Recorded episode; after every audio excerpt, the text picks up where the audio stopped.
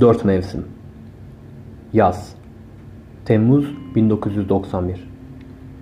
Akşama doğru 6.40 gibi başlayan yaz yağmuru saat 7.10 gibi duraksadı. Betonu kaplayan sıcak, yağmur taneleriyle buluşunca boğucu bir buharlaşma vakası meydana geldi. Yağmurun durmasının ardından henüz çok az bir zaman geçmiş olmasına rağmen yerler kupkuruydu. Güneşin yakıcı yanı bulutların tüm çabalarına rağmen yine sahnedeydi. Ve yaz, bir mevsim olmaktan öte artık büsbütün bir hayatta kalma mücadelesiydi. Köşeye döndüğümde çocukluğumdan beri yerini hiç değiştirmeyen dilencinin üzerine oturduğu kartonun yağmurdan ilginç bir şekilde fazlaca etkilendiğini gördüm. Kartonun üzerinde birkaç lira olmasına rağmen dilenci ortalıklarda yoktu. Bu daha önce hiç rastlamadığım bir durumdu. Fakat yine de bu değişimi pek önemsemeden yoluma devam ettim. Arnavut kaldırımlı sokağa girdiğimde ortada kimseleri göremeyince saate bakma ihtiyacı hissettim. Acaba yanılıyor muydum? Yoksa dışarı çıkılamayacak kadar sıcak bir vakitte miydik? Saat 7'yi 25 geçiyordu. Öyleyse bu insanlar neredeydi? Biraz daha hızlı yürümeye karar verdim. Beklemeyi sevmediğim gibi birini bekletmeyi de sevmiyordum. Acele etmeliydim. Yolun sonuna geldiğimde daha önce orada olmadığına emin olduğum bir taksi durağı gördüm. Hızlanan adımlarıma merak duygum da eşlik etmeye başladı. Nihayet durağa ulaştığımda karşılaştığım manzara garipti. Bir banka oturmuş iki taksi şoförü birbiriyle hiç konuşmadan usulca sigaralarından çıkan dumanı izliyorlardı. Belki de sigaralarından çıkan dumanlar olmasa birbirlerinin varlıklarından bir haber olacaklardı. Sessizliği dudaklarımdan dökülen kelimelerle bozdum. Selam verip tanışma faslını geçtikten sonra burada daha yeni olduklarını düşündüğüm için ne zaman taşındıklarını sordum. Aldığım cevap bu iki sessiz adamın benimle alay ettiğini düşünmeme neden oldu. Çünkü 23 yıldır burada taksicilik yaptıklarını iddia ediyorlardı. Ancak henüz dün o yoldan geçerken bir taksi durağı yoktu. Tüm bu olay, tüm bu alaycılığa tahammül edip yine de buluşmaya zamanında gitmem gerektiğini düşündüm. Sıradaki şoförün taksisine atlayıp buluşma yerine doğru yola çıktığımda saat çoktan 7.45 olmuştu. Buluşma yerine ulaştığımda kapıda iki güvenlik görevlisi vardı. Rutin, rutin birkaç kontrolün ardından içeri girdim. Ona ulaşmak için ana salona kadar yürümeliydim. Saat 8'e 10 geçerken provanın olduğu salonda onun muhteşem sesini işitiyordum. Kostümü yine çok iddialıydı. Prova biter bitmez koşar adım sahneden ayrıldı ve yanıma geldi. Soğuk bir selamlaşmanın ardından bunca zaman nerede olduğumu sordu. Suratında korkunç bir şaşkınlık vardı. Oysa yalnızca 10 dakika gecikmiştim. Ve bu affedilebilir bir gecikmeydi. Elimdeki kırmızı kaplı defteri ona uzattım. Söz verdin. Bir şeyler yazmalısın dedim. Yine mi? dedi.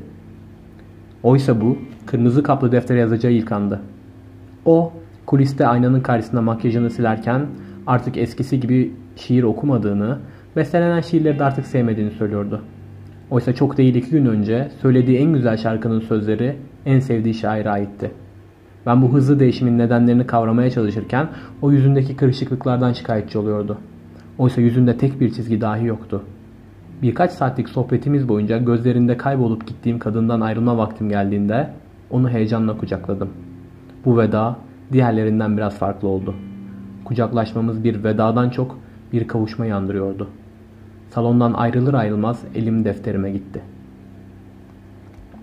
30'a 1 2016 2042 Seni yeniden görmek güzel. Kış Yaklaşık iki sene önce borç harç yaptırdığı plastik doğrama pencerenin iki kanadı da açıktı. İki sene evvel ahşap doğrama bir cam ayırıyordu hayatta odasının arasını. Klasik cam, plastik doğramadan daha ince olduğu için hayatı daha iyi hissettiğini düşünüyordu iki sene evveline dek. Sonraları sert geçen kış baskın çıktı. Sobaya attığı odunlar ısıtmaz olunca mecburen elden taksitte iki göz ahşap doğramayı plastikleriyle değiştirdi. Şimdi hayattan soyutlanmış gibiydi. Oda nispeten daha sıcaktı fakat bu kez sokağın sesi gelmiyordu içeri. 35 ekran tüplü televizyonda en sevdiği dizinin final bölümünün tekrar dönüyordu. Kalın, desensiz battaniyeyi üzerinden attı. Sobanın bitişiğindeki demir kovadan iki odun aldı. Sönmek üzere olan ateşin üzerine ekledi. Televizyonun sesini açmak için sehpaya doğru yöneldi. Kumandası dahi yoktu televizyonun. O yüzden pek fazla kanalda değiştirmezdi zaten. Hoş, 5 kanaldan fazla seçeneği de yoktu. Gerçi tek kanalda yılları yaşayan biri olduğu için ona göre 5 kanal bolluktu. Az önceki hareketinin nedenini sorguladı. Üşüdüğü için mi ayağa kalkmıştı? Yoksa kanalı değiştirmek için ayağa kalkmışken sobaya iki odun daha sallamaya mı karar vermişti? Kendi bile anımsamıyordu. Karbon monoksit zehirlenmesinden korktuğu için bazen açık bıraktığı penceresi yüzünden tam anlamıyla ısınamıyordu. Fakat bu bütün gününü soğuk bir betonun üzerinde geçiren biri için büyütülecek bir sorun da değildi. Arada sırada karton topluyor, geçimini çöpleri kurcalarken bulduğu birkaç hurdayla ya da dilenerek sağlıyordu. Topladığı kartonlardan en sağlam olanını her gün aynı saatte aynı işlek caddenin köşesinde kendine minder edip dileniyordu.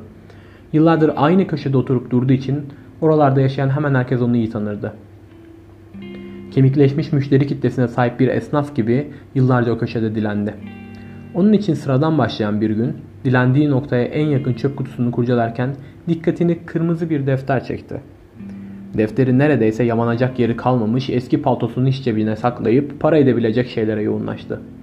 Ertesi gün yine her zamanki köşesinde oturmuş beklerken eli paltosunun cebine gitti ve dün çöplükten bulduğu defteri açtı. Defterin hemen her sayfası doluydu. Birkaç sayfayı hızla atladıktan sonra ilk sayfayı açtı ve okumaya başladı. Defterdeki ilk not 1991 yılına aitti. Çok bilinen bir Cemal Süreyya şiirinden iki dize. Altında defterin sahibi için kalem alınmış birkaç temenni iliştirilmişti bu iki dizenin. İmza bir kadına aitti. Sonraki sayfada defterin sahibine ait olduğunu düşündüğü imzasız bir yazı vardı. Üste yine bir şiirden alıntı, bu defa şairin ismi yok ve altına kadına cevaben karalanmış birkaç cümle. Defter, üstü kapalı bir aşk hikayesinin en güzel dönemlerini anlatıyordu. Merakla sayfaları çevirmeye başladı. Notlar 1993 yılına dek karşılıklı olarak devam ediyordu.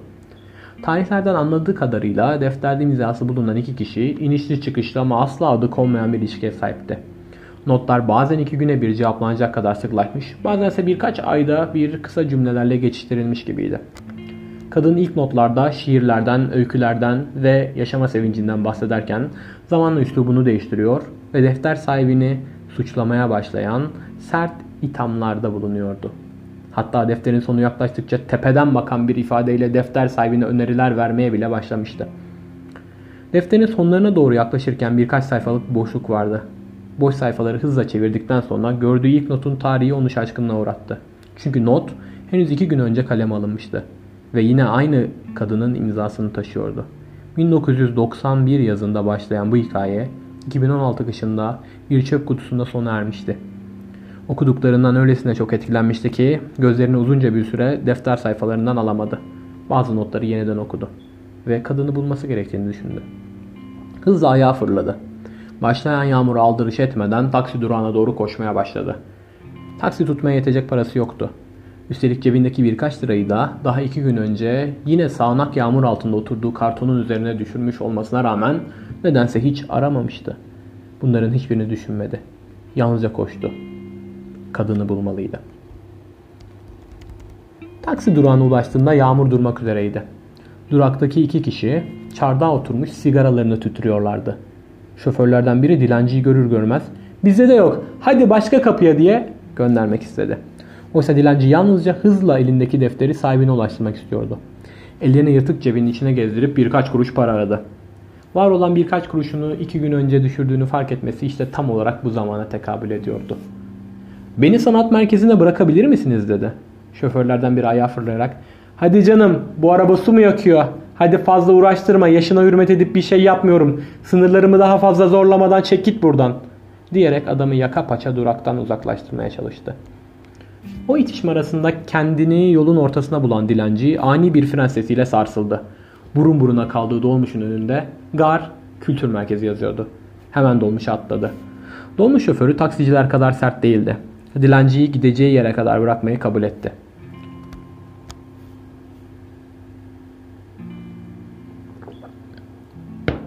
Kültür merkezine geldiğinde afişlerde yazan isimler arasında defterdeki ismi aradı. Üstünün başının bakımsızlığından sanatla bir ilgisi olamayacağı önyargısına sahip güvenlik görevlilerinin onu fark etmesi uzun sürmedi. Güvenlik görevlileri uygun bir dille onu uzaklaştırmak istedi. Tam da o sırada bir afişte aradığı ismi buldu ve görevlilere bu oyun ne zaman başlar diye sordu. O oyun kış boyu turnede. İzlemek için baharı beklemelisin cevabını aldı. Boynunu yere eğip bahara dek beklemek üzere dilendiği köşesine geri döndü. Güz Ekim 1993 Eskiler boşa dememişler Ekim'e gazel ayı diye. Gazel, kuru yaprak anlamına gelir. Eylül'de başlayan güz, Ekim'de ismini bulur. Ağaçlar sevgiliye kavuşmuşçasına çırılçıplak kalır. Yollar, parklar, sokaklar kurumuş yapraklar esir olur. Yağmur taneleri pencerelere daha sık vurmaya başlar. Ve hüzün partneridir güzün.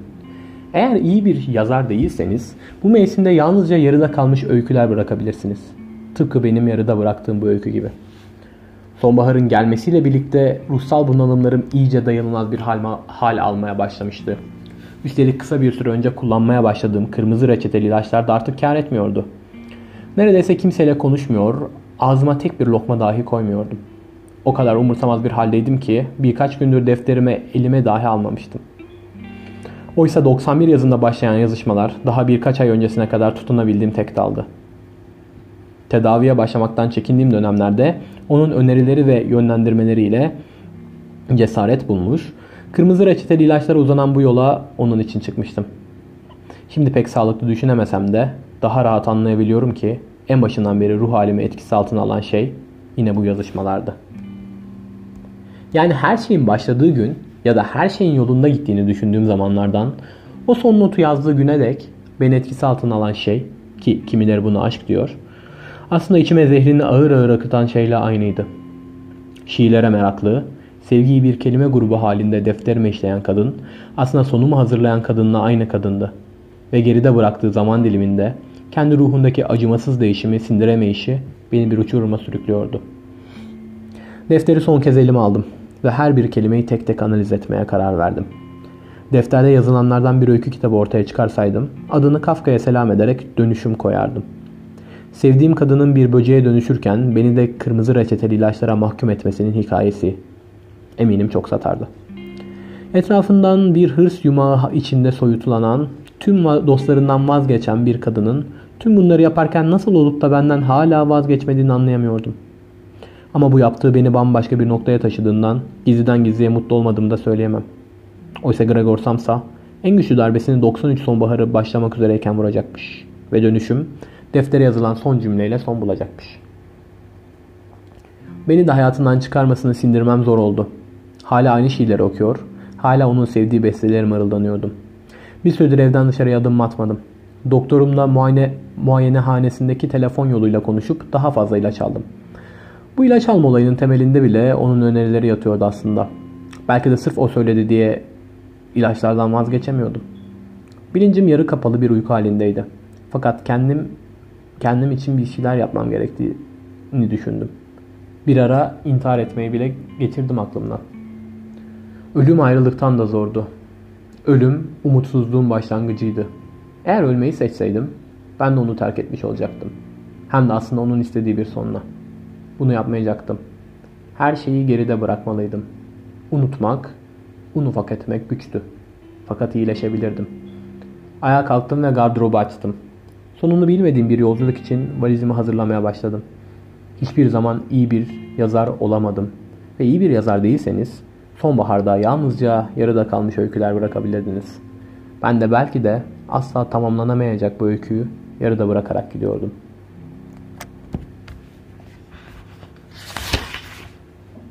Bahar Doğa tüm canlılığıyla insanlığı kucaklıyordu. Toprak en bereketli mevsimindeydi. Kültür merkezinin bahçesi yemyeşil çimler ve rengarenk çiçeklerle kaplıydı. Güneş en tepede, yazın habercisi gibiydi. Ortalığı kuş cıvıltaları kaplamıştı. Ömrü tek günlük kelebek bunun farkında bile olmadan tırtılıktan kurtulup özgürle, özgürce uçabilmenin mutluluğunu yaşıyordu. Tüm bunların orta yerinde yamalı eski püskü paltosunu üstünden henüz çıkarmış, sıcaktan bunalan yüzünü rahatlatmak için ya da az sonra yapacağı buluşmanın öneminden dolayı sakallarını kesmiş, Etrafa kesif bir limon kolonyası kokusu yayan bir adam kültür merkezinin bahçesinden içeri girdi. Bahçedeki atmosferi betimleyecek yegane şey Vivaldi'nin Bahar adlı eseriydi. Gişeye doğru heyecanlı adımlarla ilerleyen Gişeye doğru hızlı ve heyecanlı adımlarla ilerleyen adam bir yığın demir parayı gişe memurunu, memuruna utana skala uzatarak ana sahnedeki oyun için bir bilet kesmesini istedi. Üzerindeki heyecanın nedeni aylar önce çöplükte bulduğu defterin sırrını çözecek olmasından mı yoksa hayatında ilk defa bir oyunu canlı izleyecek olmasından mı kestiremiyordu. Bilet aldıktan sonra salona doğru yöneldi. Artık daha yavaş ve sağlam adımlar atıyordu. Aylardır etkisi altında kaldığı hikayenin esas kızını sahnede görecekti. Koltuğundaki yerini aldıktan bir süre sonra bir uyarı anonsu yapıldı ve tüm ışıklar söndü.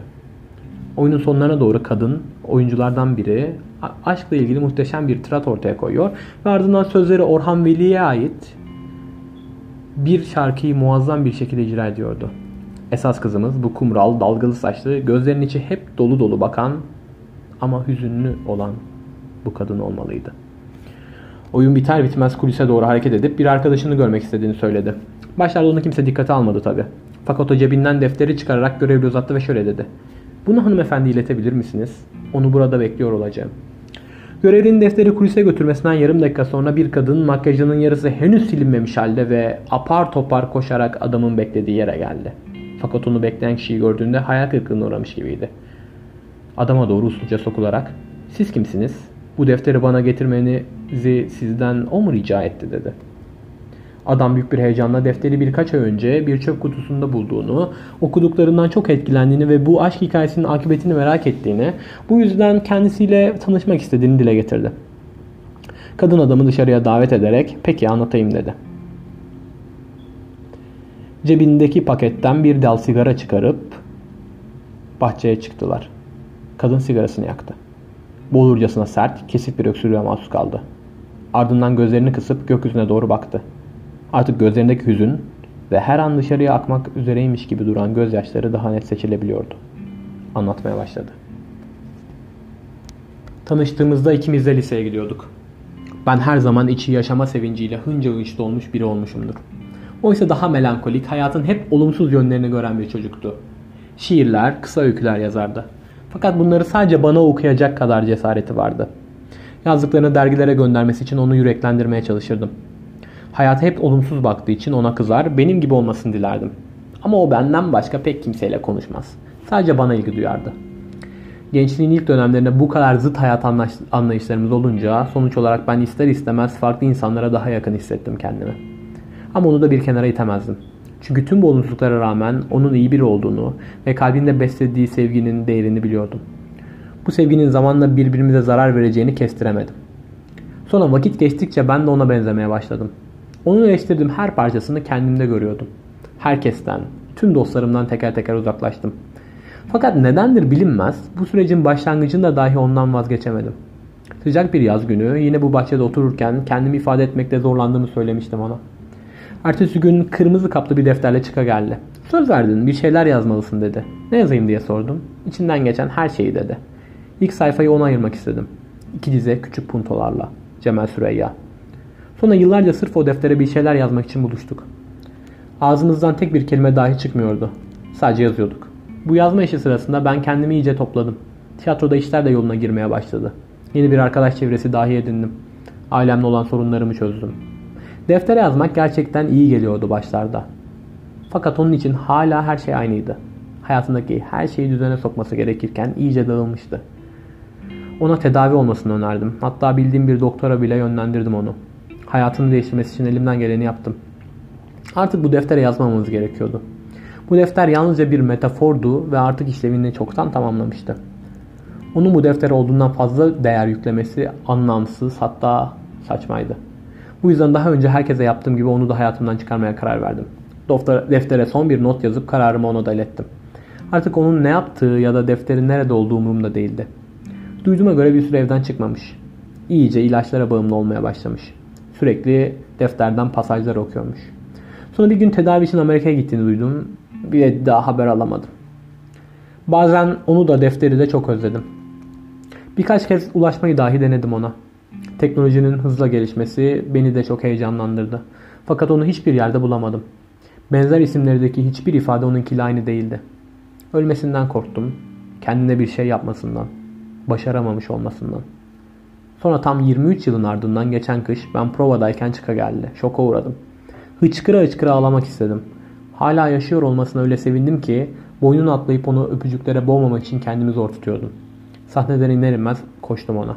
Fakat yanına ulaştığımda bir gariplik sezdim. Sanki onun bedenine bürünmüş başka bir ruh beni ziyarete gelmiş gibiydi. Sanki aradan onca zaman geçmemiş, onca şey yaşanmamış gibiydi. Artık ikimizin de belli bir olgunluğa erişmiş olması gerekirken sanki o hep çocuk kalmıştı. Bunca zamandır neredeydin diye sordum. Bir buluşmaya 10 dakika gecikmişçesine basit bir cevap verdi. Sonra yine defteri çıkarıp bana uzattı. Hala yanında taşıyor olmasına hiç şaşırmadım. Hatta içimi tarif edemediğim garip bir mutluluk bile sardı. Bana 25 yıl önce kurduğu cümlenin aynısını kurunca her şeyi anladım. Durumu sessizce kabullenip yıllar sonra ilk kez kırışmış yüzüm ve titreyen ellerimle aynı deftere yeni bir not daha yazdım. Seni yeniden görmek güzel. Geç kalmış bir aşkın yanında hiçbir anlam ifade etmiyordu bu geç gelen kavuşma. Birkaç saat boyunca sadece şiirlerden konuştuk. Oysa artık ben şiirleri sevmiyordum. Ve bunu ona söylersem bir yalancı olduğumu düşünecekti. Yine de çekinmeden söyledim bunu ona. Karşında gördüğün kadın defterdeki esas kız değil artık. Dönüşümünü tamamlamış, şiirlerden dahi hoşlanmayan sıradan bir insan. Hatta bir böcek. Ve o defter yeni bir hayata başlamanın arifesinde her şeyi unutmak üzere o çöpe yıllar önce gitmeliydi. Onun güz mevsiminde başladığı hiçbir hikayeyi yarıda bırakmayacak kadar iyi bir yazar olduğunu biliyordum.